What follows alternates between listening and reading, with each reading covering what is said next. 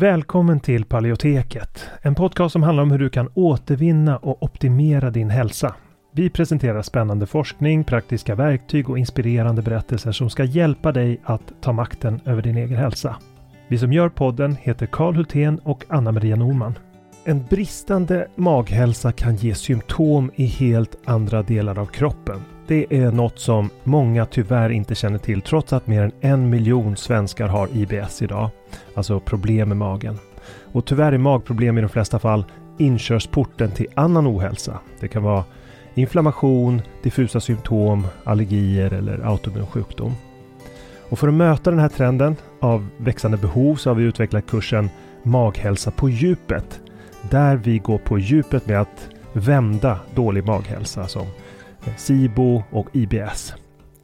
Och det här är viktiga delar av kursen som vi talar om och den senaste forskningen på de områdena. Och vi djupdyker i vad forskningen säger om de senaste naturliga terapiformerna, kostmetoder, kosttillskott, probiotika och så vidare.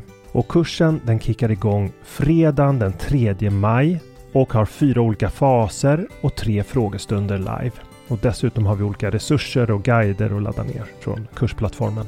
Så du kommer få lära dig allt om hur du kan använda kosten som en väg till läkning, när, var och hur, hur du kan använda olika kosttillskott och probiotika. Och om du redan är medlem i Hälsodetektiverna så får du som vanligt en rabatt på allt vi gör, så även den här kursen. Och den här kursen tror vi är en perfekt väg för dig mot en bättre maghälsa där du inte bara får lära dig ett metodiskt tillvägagångssätt för att minska dina symptom utan också förstå de underliggande orsakerna. För att läsa mer om kursen och anmäla dig till den går in på paleoteket.se och klickar på utbildning. Eller klicka dig vidare från länkarna i podcastbeskrivningen. Så varmt välkommen till Maghälsa på djupet. Vi ses där när kursen startar, den 3 maj. Innan vi kör igång med dagens tema vill jag påminna om att den här podcasten har ett utbildande syfte och inte utgör medicinsk rådgivning. Nu kör vi!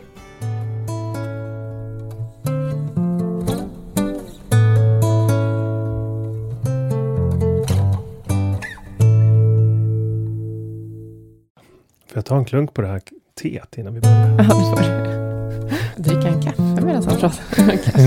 Vad är det för doft här i rummet? Jag dricker lite vatten. Mm. Okej, okay. köra. Mm, mm, mm. Vänta lite. Mm. Hej och välkommen till Paleoteket. Hej, god morgon. God morgon. Idag ska vi prata om kaffe. Mm. Och jag funderar lite på om jag har blivit inlurad i det här nu. Att du liksom ska försöka övertyga mig att jag ska sluta med kaffe. Att det är det det här handlar om. Äh. Nej. Hur kan du tro? Hur kan du tro något sånt? ja. Nej, men så att eh, det kanske jag blir. Vi får se. Ja. Oh. Um, ska bomba dig med fakta. Ska omvända dig med fakta. Ja.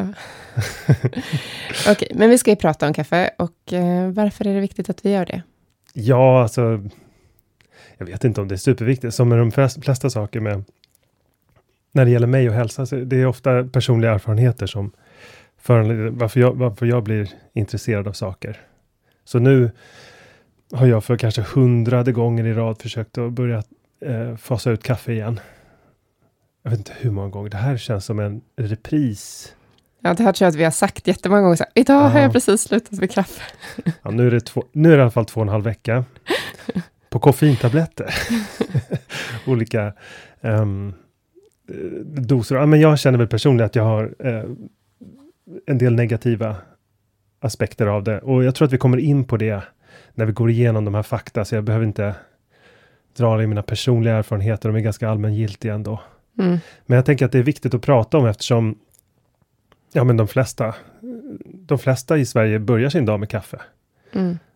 Och eh, många fortsätter dricka under dagen för att hålla sig alerta och kunna jobba.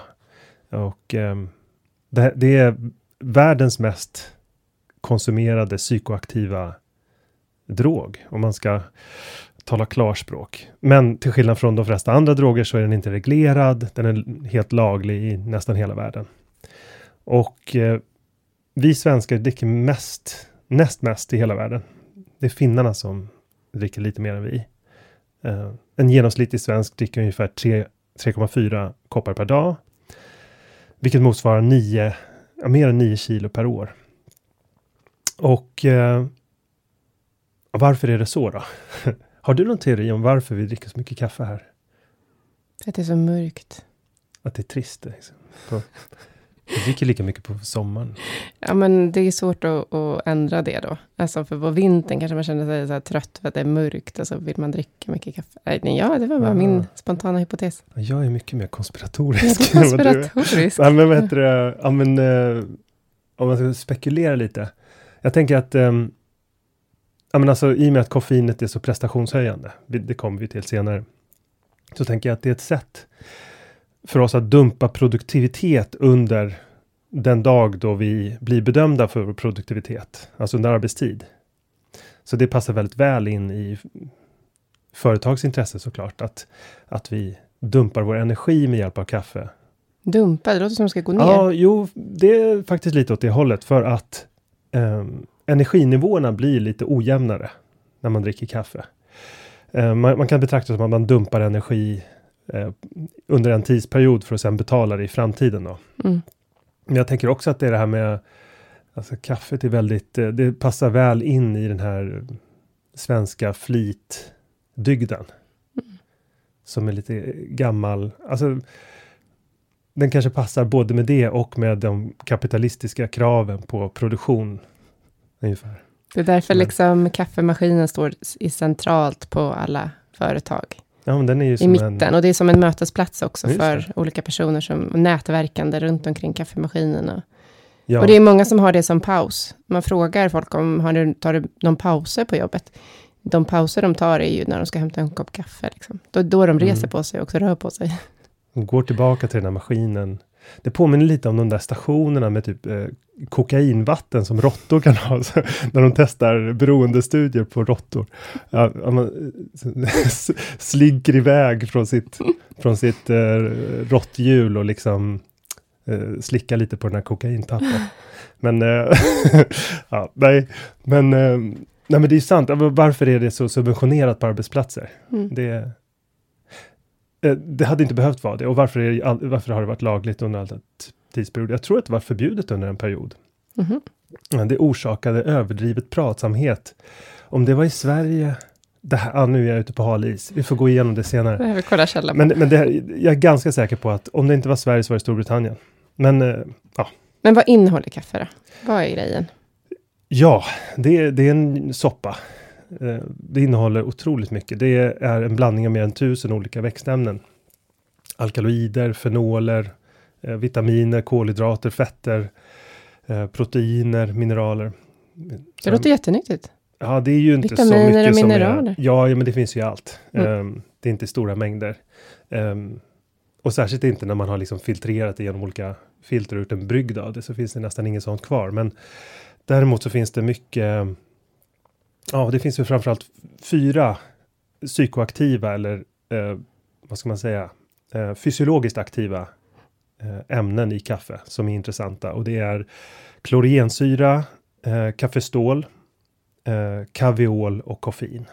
Så de fyra eh, kan man liksom separera ut ur den här soppan av tusentals ämnen som påverkande och står för de fysiologiska effekter som vi känner till. Okej, är det därför också som man liksom måste göra skillnad på till exempel eh, te som har koffein i sig Mm. och kaffe som har koffein i sig? Att det är inte bara koffeinet som påverkar, Ja, utan exakt. koffeinet är bara en av fyra då? Ja, substanser. precis. Ja, men, mm, bra synpunkt, för det, det är en otroligt stor skillnad i både upplevelsen av, eh, av te, Mm. eller koffeintabletter för den delen, och eh, hela drycken kaffe. Det vet ju alla som har testat att bara byta över till koffeintabletter med samma dos. Säg, säg att man dricker eh, tre muggar kaffe per dag, vilket motsvarar 600 milligram koffein ungefär. Säg att man skulle ta 600 milligram eh, eh, tabletter Mm. koffeintabletter så känner man en tydlig skillnad. Och det beror på de här ämnena framförallt, sannolikt. Mm. Eh, och även med te, ja. Mm, och, och jag tänker för att till exempel då autoimmuna protokollet, där utesluts ju kaffe. Mhm. Och där tänker jag kanske har att göra med många av de här aspekterna vi kommer komma in på. Men te ingår, som ändå innehåller koffein. Så där blir ju många Ja, förvirrade. precis. Sådär. Varför Ja. är det så? Ja, de skiljer sig i fysiologisk effekt också, Mm. som vi kommer till. Eh, just den skillnaden som vi kommer berätta om en liten stund är med eh, stresshormon Mm. skiljer sig mellan kaffe och te. Men om jag ska ta de här fyra, Eh, så klorionsyra då, den, den eh, har en milt blodtryckssänkande effekt. Och eh, eventuellt antiinflammatoriska egenskaper. Det finns flera andra ämnen i kaffe som också har det. Och den kan också misstänks också ha samband med ökade symptom vid luftrörs eh, reaktivitet i luftrören och sådär. Eh, så den, den är biologiskt aktiv. Sen kaffestål, det hämmar ett enzym som bryter ner kolesterol till eh, gallsyror som utsöndras genom levern. Och därmed också ökade LDL-kolesterolet något. Vilket är en riskfaktor för hjärtsjukdom och sådär. Det dåliga kolesterolet. Um, men det där är inte någon betydande effekt och dessutom när man har filter så filtreras det där bort. Det fastnar um, i den här po i porerna i kaffefiltret. Um, sen har vi kaviol och eh, där så ser man, det, det, är den effekten som, som effekten av kaviol som sannolikt ligger bakom effekten på benstommen. Man har sett att äldre kvinnor kan, det finns, kan finnas ett samband med benskörhet och så med kaffe. Och där vet man att kaviol, det hämmar eh, osteoklaster. Det är en celltyp som är eh, ansvarig för att eh, bryta ner, ja, den, den är bryta ner själva strukturen av ben. Så du har osteoblaster och osteoklaster och de eh, har en, en, antagonistisk verkan mellan sig. Men båda behövs för att ha en sund benstomme. Så kaviol hämmar osteoklasterna. Och ja, så det var de tre lite mer okända. Och om man då ska komma in på koffein som är det mest dominerande. Det är där vi, vi vet mest eh, egentligen. Koffeinet som är central nervstimulerande. Och eh, det gör det genom att det blockerar en eh, substans som heter adenosin. Och det är det eh, receptorn för adenosin helt enkelt. Och det är så man kan eh, se den här ökade tensionnivån, minskad trötthet och eh, de här effekterna på autonoma nervsystemet också. Och eh, tarmen. Men om man ska gå in på specifikt vad effekten är på psyket. Mm, alltså kommer på... vi komma tillbaka till det här med tarmen också? Och sådär? Ja, vi, ja, vi kan ju ta det om en... Vi tar ja. det lite senare. Jag blir alltid intresserad av magen. Ja. men vi tar psyket jo, också, men... det är också intressant. ja. uh, jo, men det är väl det som är de flestas upplevelse. Jag tycker att det är lite spännande. Det som många känner till är väl det här med ångest, rastlöshet, sömnlöshet och uh, alltså uppskjuten sömn, svårt att somna in och eh, eh, allt det där har att göra med ökad attention. Men den här ångesteffekten, eh, den har belagts i väldigt många studier nu och den verkar vara kopplad delvis till dos. Vanligtvis mer än hö högre än 300 milligram per, per dag, vilket eh, jag tror att det är. Det ligger under vad de flesta dricker varje dag. De mm. flesta dricker lite mer än så. Om vi kommer ihåg att medel, medelsvensken dricker 3,5 koppar per dag så borde eh, det vara mer än 300 milligram. Mm. Och eh, dricker man tre muggar per dag, alltså 7,5 deciliter eller mer, då ligger man ju uppåt 600 till 700 milligram. Alltså då ligger man ju långt över den här panikgränsen som man ska kalla det för. Sannolikt finns det väl en viss tillvänjning dock. Mm. Vad menar du med panikgräns? Att man skulle få ångest? Ja, inte panikgräns, det var ett dumt ord, men att en ökad benägenhet till ångestkänslor ja, helt enkelt. Ja, om, man, om man dricker väldigt mycket. Ja, och det kan mm. förstärka ångestkänslor. Mm. Um, men vissa kan ju känna de här känslorna och rastlösheten och väldigt stark stress inombords ganska lite kaffe. Ja. Så olika människor är olika känsliga för det just. Ja, precis. Och det, som alla människor är också olika känsliga för, för stressuppkomst. Mm. Um, uh, och, och, där är ju kvinnor något känsligare än män när det mm. gäller eh, känslomässig sårbarhet för or, äh, ångest och oro mm. till exempel. Och, äh, däremot så är män mer benägna att få den här äh, stresshormoneffekten på binjurarna blir lite starkare och ökningen av adrenalin och noradrenalin som är lite starkare hos män många gånger. Mm. av kaffe? Ja. Mm. Men ehm, Men jag, kan vi stanna här lite? För du pratade om uppskjuten sömn. Jag tänker att vissa, vissa kanske känner det här också med att de inte kan somna in. Mm. Andra känner att de visst somnar in, de sover, men sen när de vaknar på morgonen är de inte riktigt utvilade. Mm. För påverkar inte kaffet också djupsömn? Jo, absolut. Eh, det, det, påverkar eh, mängden tid, eller ti, tiden spenderad i djupsömn. Mm.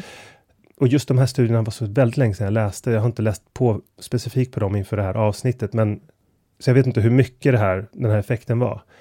Men det, det är lätt att förstå att i och med att, säg att vi drick, dricker de sista kopparna kaffe vid klockan 15 på dagen. Då kanske vi har, ja, säg, vi har ju kvar doserna från morgonen eftersom halveringstiden är 5 till 6 timmar. Så då har vi en betydande andel, vi kanske har 200-300 milligram i blodet eller så. Den dosen är nere på 150 klockan 9 på kvällen när vi lägger oss. Och klockan 3 på natten så är det nere på 75. Så att vi har betydande mängd koffein i blodet under sömnen. Och det, det, kroppen svarar ju också på de här minskade doserna med en viss abstinens som uppkommer successivt men som kulminerar efter kanske 20 timmar när de flesta får huvudvärk. Och det uppkommer då dagen efter man har druckit kaffe, ungefär mellan 10 och 14 någonstans för de flesta. Är klockan 10 och 14? Mellan klockan 10 på mm. morgonen mm. och 14 på mm. eftermiddagen. Så. Uh, ja, nu kommer vi lite på sidospår, men, men det här effekten på psyket. En effekt som är märkbar, som är positiv också på psyket, är att uh, vid de här låga doserna upp till 200 milligram, 2 till 300 milligram så ser man uh, minskade symptom av depression, alltså en, en stämningshöjande effekt på hjärnan. Den här attentionhöjande effekten kan också vara positiv när man dricker lite, lite kaffe. Minskad självmordsrisk har man sett i några studier eh, i samband med depression då. Och eh, vissa läroböcker, alltså, eh, vissa studier har kommit fram till att det är milt euforisk. Jag tror att den effekten är mer kopplad till när man när man dricker kaffe efter eh, i, i, under upptrappningsfasen av kaffe så kan den ha euforiska effekten. Men det är ju ingen som upplever, eller väldigt få ska jag säga, som upplever eufori när man är tillvand. Nej. Um, jag tänker på samma sak med det där minskade symptom av depression. Alltså frågan är, liksom, om man då har en depression som man har under lång tid, att om man då dricker kaffe varje dag, om det verkligen får den effekten, eller om det är mer så här, eh, jag dricker inte kaffe, mm. jag har en depression, jag tar in kaffe, då känner jag Nej, mig precis. lite alltså, bättre. Alltså, nej, men det, jag, jag Jo, jag tror ändå att ka kaffet ka skulle kunna ha den effekten. Men det, jag har inte riktigt svar på den frågan. Mm. Men när det, när det gäller tillvänjnings, tillvänjning på andra områden, som exempelvis det här med eh, att kaffe orsakar frisättning av eh, stresshormonet kortisol. Eh, där så, så, så sker en viss minskning av den här frisättningen, men den går inte ner helt. Så man har alltid en förhöjt kortisol. Mm. Eh, så det är inte alltid det sker en tillvänjning som är total. Och det för oss kanske in på det här med effekten på kroppen. Mm. Nu har vi eh. pratat lite om psyket och nu ska vi komma in på andra delar av kroppen. Ja, eh, och det, den, en, en sån här betydlig effekt som, som är viktigt för eh, att förstå varför kaffe ger de här abstinenssymptomen och eh, huvudvärken till exempel. Det är att kaffe kan öka blodtrycket något genom dess effekt på stresshormonerna och orsaka sammandragning av blodkärl. Och det, eh, det är just den typen av förändringar i blodkärlens sammandragning som gör att man får huvudvärk. Eh, och sen så har kaffe också effekter på eh, den glatta muskulaturen i tarmslemhinnan som gör att man kan få en eh, tömning av tjocktarmen strax efter, om, ja, kanske en halvtimme efter man har druckit kaffe och då blir ju nivåerna av koffein högst i blodet. Så där märker många en effekt på tarmslemhinnan där, på den glatta muskulaturen. Ja, men det är många som, som har problem med förstoppning och så där som är rädda för att ta bort kaffet. Mm. Um, men där är det väl också att det är en avvänjningsperiod och att man kanske känner, känner sig beroende för att kunna gå på toaletten, att man ska dricka kaffe. Ja. Men sen så avtar det Ja, precis. Som med allting så, så finns det en, um, ett jämviktsläge som kroppen måste ställa om till. Mm. Och under den så kan olika symptom uppstå, men de, de normaliseras igen. Mm. Sen är det ju också det här med sura uppstötningar och magsyra och så. Just det. Eh, koffein eller kaffe eh, ökar produktionen av magsyra och ett hormon som heter gastrin som ökar liksom aktiviteten i magsäcken och kanske kanske ökar sårbarheten för olika typer av ja, IBS och så. Men också eventuellt problem i tunntarmen. Det vet vi inte riktigt säkert. Mm. Men eh, den här ökade surhetsgraden, den det är dubbelt. Det är lite dubbelt. Det är, eh, maginnehållet blir lite surare. Det blir lite starkare effekt på buk, bukspottkörteln som då aktiveras starkare och skickar ut mer enzymer i tunntarmen. Eh, det är inte bra att ha lågt eh, pH-värde, för då blir miljön för vänlig för bakterier i tunntarmen. Det vill man inte heller. Men, men det där är någonting som väldigt många upplever problem av. Alltså, för många har problem med sura uppstötningar och där kan kaffe vara en sån ja, faktor precis. att testa att ta bort det. Jag är inte säker på att kaffe är den enda orsaken där, utan Nej. jag tror att där har man andra problem mm. eh, som då eh, kan eller inte kan ha eh, orsakat av kaffe. Det vet mm. vi inte mm. riktigt. Um, sen är det här med att uh, urinproduktionen. När man börjar med kaffe, då märker man att man kissar ut en massa uh, vatten ser ut som nästan. Och det beror på en hämmande effekt på eh, ADH, ett antidiuretiskt hormon som verkar på njurarna. Och det är en övergående effekt. Så att, eh, att kaffe är vätskedrivande, ja det är det, men det är bara när man börjar och sen så avtar den effekten och sen är inte kaffe vätskedrivande utan en vätskekälla. När, när, den här, eh, när man har fått en tillvänjning. Så man kan strunta i vatten och så dricker man bara kaffe istället? Ja, jag vet inte om jag rekommenderar det, men det är... ja, det är klart att... Nej, det är såklart eh, man inte ska. Jag skojade. Ja. Men... Um, så, så sen ser man också liksom en, en lite ut, ö, ökad utsöndring av uh, natrium också, som man förlorar som ett resultat av kaffet. Men, mm -hmm. um, men som sagt, när man har druckit kaffe länge så har man tolerans mot den där effekten. Um, alltså det, det där med natrium, det innebär salt. Alltså man kan få större saltbehov, eller? Ja, precis. Man, uh, Ett något ökat saltbehov, men jag tror att den, den, också är neutraliserad och det är inte... Jag menar, det, det är den effekt man ser när man börjar med kaffe. Mm. Inte efter lång tid. Det här med stress då? Stress och påverkan på stresshormon. Ja, just det. Hur, hur påverkar kaffe stresshormon? För det känns ju som en sån fråga som blir väldigt viktig för många som vill försöka anamma då en mer läkande livsstil också, mm. och komma ner och känner att stressnivån är hög. Ja, det, att finns, det kan vara äh, bara en viktig aspekt som kanske räcker för att sluta med kaffe. Men. Ja, äh, alltså, jag tror vi var inne lite på det nyss, där med äh, kortisol, alltså stresshormonet kortisol, som mm. är ett av de hormon som frisätts när man dricker kaffe. Och den effekten, den går ner något, alltså stresshormoneffekten går ner något med tiden när man är tillvand. Men den försvinner inte helt. Så det finns studier som har kollat på det faktiskt och se ja, hur, hur ser reaktionen på, på kaffe ut när man dricker kaffe regelbundet. Och det mm. verkar som att den är mindre men den är inte eh, obetydlig. Så det, det, det, betyder i praktiken att kortisol för, ökar i blodet Eh, vilket också rekryterar några av de här stressrelaterade resurserna som kroppen har eh, genom att eh, öka frisättningen av eh, glukos, bilden av glukos, eh, frisättningen av det till, till blodet. Mm. Så att det förklarar lite av den här ökade blodsockret man kan få av kaffe också. Gör att man blir ännu piggare såklart lite, men det är inte bra att ha den effekten hela tiden. Och vid sidan av det så har vi också adrenalin och noradrenalineffekten.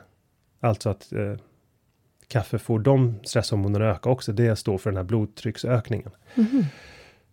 Eh, så på det hela taget, ja, men att stressa kroppen, ja, men det påverkar ju också alla kroppssystem med kortisolet. Det hämmar immunförsvaret också sådär och har eh, vilket kan ha olika effekt på olika tillstånd. Ja, men här känner man ju verkligen att allting hänger ihop. Ja. Men jag tänker så här, blodsockret höjs och hur det hänger samman med insulin och eh, liksom, som är ett chefshormon. Och, alltså ja, det är som att allting bara hänger ihop här. Ja, verkligen. Um, och det visar också att det finns konsekvenser med att vara inne och mixtra med de här systemen. Att det, det, den här typen av psykoaktiva och kroppspåverkande substanser som, som verkar som läkemedel, kanske att man inte det finns uppenbara nackdelar med att eh, hålla på med det. Mm. Men, eh, och i alla fall, eh, mm. att dricka för mycket. Alltså för jag tänker så att där är det ju en skil, skiljelinje också. Mm. Antar jag, liksom om man dricker en halv kopp, liksom. Ja. Eller om man dricker tre koppar. Alltså det... Absolut. Ja, men de positiva effekterna hade ju något tak där vid 300 milligram. Och det mm. räcker ju med 200 milligram för att få dem. Och mm. där är vi ju upp eh, ska vi säga en mugg kaffe. Mm. En mugg är ju liksom inte en kopp. För en kopp Nej, är ju en som en liten är, traditionell ja, gammaldags kopp. Lite över någon deciliter. Typ två koppar. Men det här med att sluta med kaffe då? Ja. Är det det vi ska komma in på nu? Ja, just det. Ja.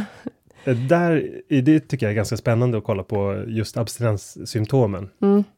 Jag hittade en studie i New England Journal of Medicine som hade studerat just ja, men vilka biverkningar kan man se för personer som dricker ungefär som en medelsvensk? Alltså låg till medel intag av kaffe. Jag personligen låg långt över det intaget och då kan man ju misstänka att den här studien tar ju bara med de allra mest fundamentala vanligaste biverkningarna som uppstår för vanliga kaffedrickare. Men högkonsumenter som faktiskt en hel del personer är, de kommer ju få en, en lite bredare palett av olika biverkningar. Mm vad säger det innan, men där, den här studien var på 62 vanliga eh, friska frivilliga som drack lite till medelmycket kaffe, alltså omkring 235 milligram vilket eh, motsvarar 2,5 kopp per dag, alltså något mindre än en medelsvensk dricker.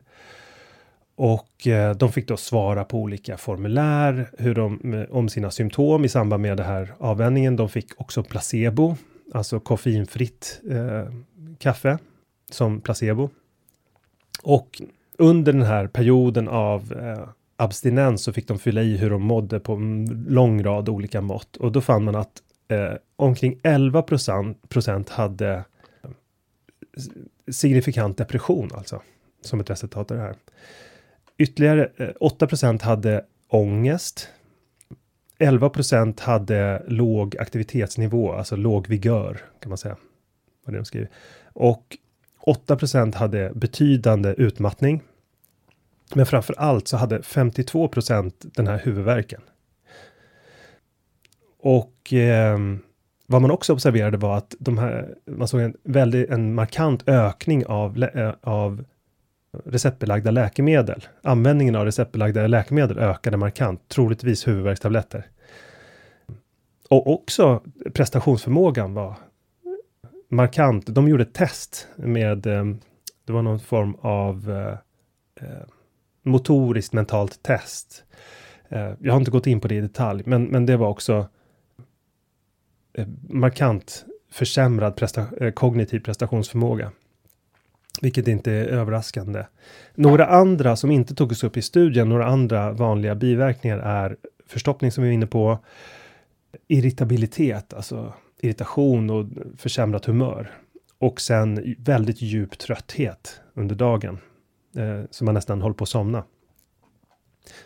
Så det, det är väl vad eh, symptombilden på, på abstinens, om man säger. Men vi kanske ska komma in lite på det specifika med eh, autoimmun sjukdom. Precis. Och här finns mm. det väl en lite blandad bild, eller hur? Det, mm. det, är inte entydigt. Där har man både... Det var en studie från eh, en systematisk genomgång av forskningsläget för 2017. Och eh, där man tittade just på sambandet mellan kaffe och autoimmuna sjukdomar. Då.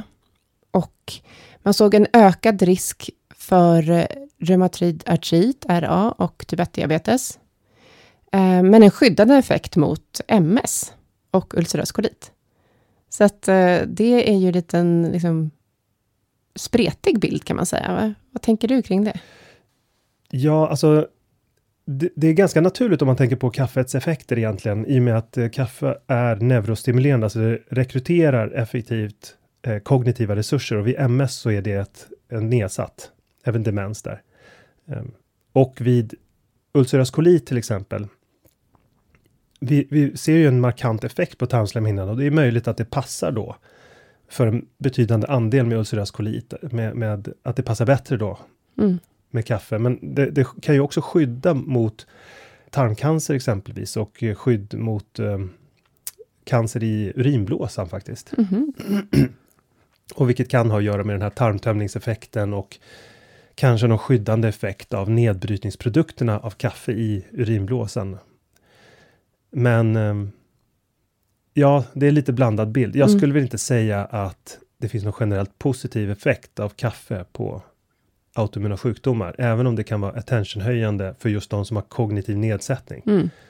Um, Precis. Mm. Ja, nej men eh, sen var det någonting med typ 1-diabetes också, att det leder till, eh, det leder ju till förhöjt blodsocker. Så att då kan det också påverka behandlingen negativt. Ja, just det. Av typ 1-diabetes. Ja. Jag vet inte riktigt hur det hänger ihop, men att eh, man måste anpassa medicineringen då kanske? Ja, eventuellt. Mm. Det beror kanske på hur mycket man dricker också. Ja. Sen är det ju en sak som kan vara viktig att känna till om man har hypotyreos eller Hashimotos. Eh, om man medicinerar med Levaxin, att det kan eh, förhindra upptaget av Levaxin. Så att eh, om man dricker kaffe, eller om man börjar med kaffe då, eller om man slutar med kaffe. Om man slutar med kaffe, så behöver man ju kanske korrigera dosen. Kanske öka dos, eller blir det? Man behöver mer, mm. det upptaget hämmas ja. Ja, upptaget hämmas av kaffe. Mm. Så när man slutar så behöver man kanske eh, minska dra, dosen? Dra ner på dosen? Ja, precis, exakt. Mm. Uh, och även uh, en, ett läkemedel som används vid reumatism, metrotrexat, kan också metrotrexat. Mm. Ja, kan minska effekten av det också. Men sen så tyckte jag att det var lite intressant. Eh, man brukar ju ofta prata om det här med korsreaktioner på olika saker. Och det har diskuterats mycket kring kaffe då, om kaffe skulle korsreagera med gluten. Mm. Men då var det en studie från 2013 där man eh, undersökte det här på personer med celiaki och så såg man att det bara var snabbkaffe som då kan vara, antar jag, kontaminerat med gluten. Mm. Uh, och där det finns en risk, så om man är väldigt känslig för gluten så ska man inte dricka snabbkaffe. Nej, precis. Alltså, jag tror vi, vi har ju sagt det här förut och nu återkommer vi till det för att vi har, jag tror att vi har eh, sagt fel tidigare eftersom den tidigare forskningen um, var, varnade för korsreaktioner och det mm. var utifrån en enda studie. Mm. Så, så, att därför så kan vi väl återkomma till att det, det är alltså inte farligt eh, på grund av korsreaktioner med gluten. Mm. Sen när det gäller inflammation av kaffe så finns det det finns studier som visar att kaffeintag är kopplat till en viss ökning av eh, inflammationsgrad hos även hos fullt friska. Och eh, det visar sig i höjda inflammationsmarkörer som CRP, som är C-reaktivt protein, eh, interleukin 6 och TNF-alfa. Och det här är inte många studier och vad det här beror på, ja, jag vet inte, det, det är inte någon så här signifikant effekt som vi har sett att det att den inflammationseffekten skulle vara så stark att den på något sätt undergräver effekten av ett kostprogram eller så, utan det finns otroligt många som dricker kaffe och eh, får goda resultat av eh, paleokost eller AIP-kost i alla fall. Så att ehm, eh, den här inflammationseffekten, jag vet inte vad man ska eh, säga om den. Det, det, är väl sannolikt att den finns. Det verkar vara så den posit det, det, det finns ju antiinflammatoriska effekter av kaffe också. Men att nettoeffekten av kaffe tycks vara en inflammationshöjande. Mm. Det är det man kan mäta i blodet. Och därför så Ja, jag, jag har ju nu bestämt mig för att sluta. Igen. Uh, ja. och, och för alla som är intresserade av det så tänkte jag att det finns två huvudsätt där som man kan sluta på. Uh, man kan antingen välja att klippa tvärt, den här cold turkey varianten, eller så kan man ta nedtrappningen. Och fördelarna med att eh, sluta tvärt, fördelen med det är såklart att man får en väldigt snabb eh, positiv återkoppling, man blir fri från det här som man har velat bli fri från. Eh, det går snabbare tills man är på helt normal igen om man säger. Men man får betydande man får nedsättning, kognitiv nedsättning, man kanske inte kan jobba som vanligt eh, 100%. Man kanske får den här huvudvärken så man måste ta mycket huvudvärkstabletter. Den, den passar en del. Men eh, jag har valt att göra den här nedtrappningen med koffeintabletter. Och fördelen med det är ju såklart att man dels slipper de här biverkningarna man, man slipper huvudvärken och man slipper kognitiv nedsättning, vilket är, för, en fördel i sig. Sen så blir man också av med när man går över till, om man då gör nedtrappningen med minskande doser av koffeintabletter så slipper man ju också de här tre första psykoaktiva och kroppspåverkande ämnena som hade med eh, magen och med vasokonstriktion att göra och eh, också den här syragörande effekten på magslemhinnan. Så att då ställer man ju om till bara koffeinet först och sen så kan man eh, utan att slippa de här eh, stämningssänkande effekterna och kognitiv nedsättning så kan man då fasa ut det väldigt långsamt under två till fyra veckor. Så jag tycker väl att, alltså det här, det är väl ingen överraskning att jag tycker man bör sluta med kaffe. Det är inte något som är en populär åsikt direkt. Jag förstår att många vill höra motsatsen. Och, det, och man kan ju försvara att fortsätta med kaffe med att det skyddar mot demens och det här med kolorektalcancer som faktiskt är en betydande andel eh, cancer i urinblåsan. Men inget av de här rönen är speciellt övertygande. Det är inte kliniska studier såklart, utan det här är ju korrelationer. Mm. Men, det, men sannolikt kanske det finns ett skydd mot de där. Men på minussidan så har vi att, att kaffe ger den här berg och dalbane-energin för väldigt många. Den förstör, inte förstör, men den, den stör djupsömnen. Den frisätter stresshormon. Den kan skapa, kanske skapa inflammation. Den rubbar matsmältningen. Och eh, ja, jag tycker väl att det sammantaget gör att fördelen med att sluta är såklart de överväger.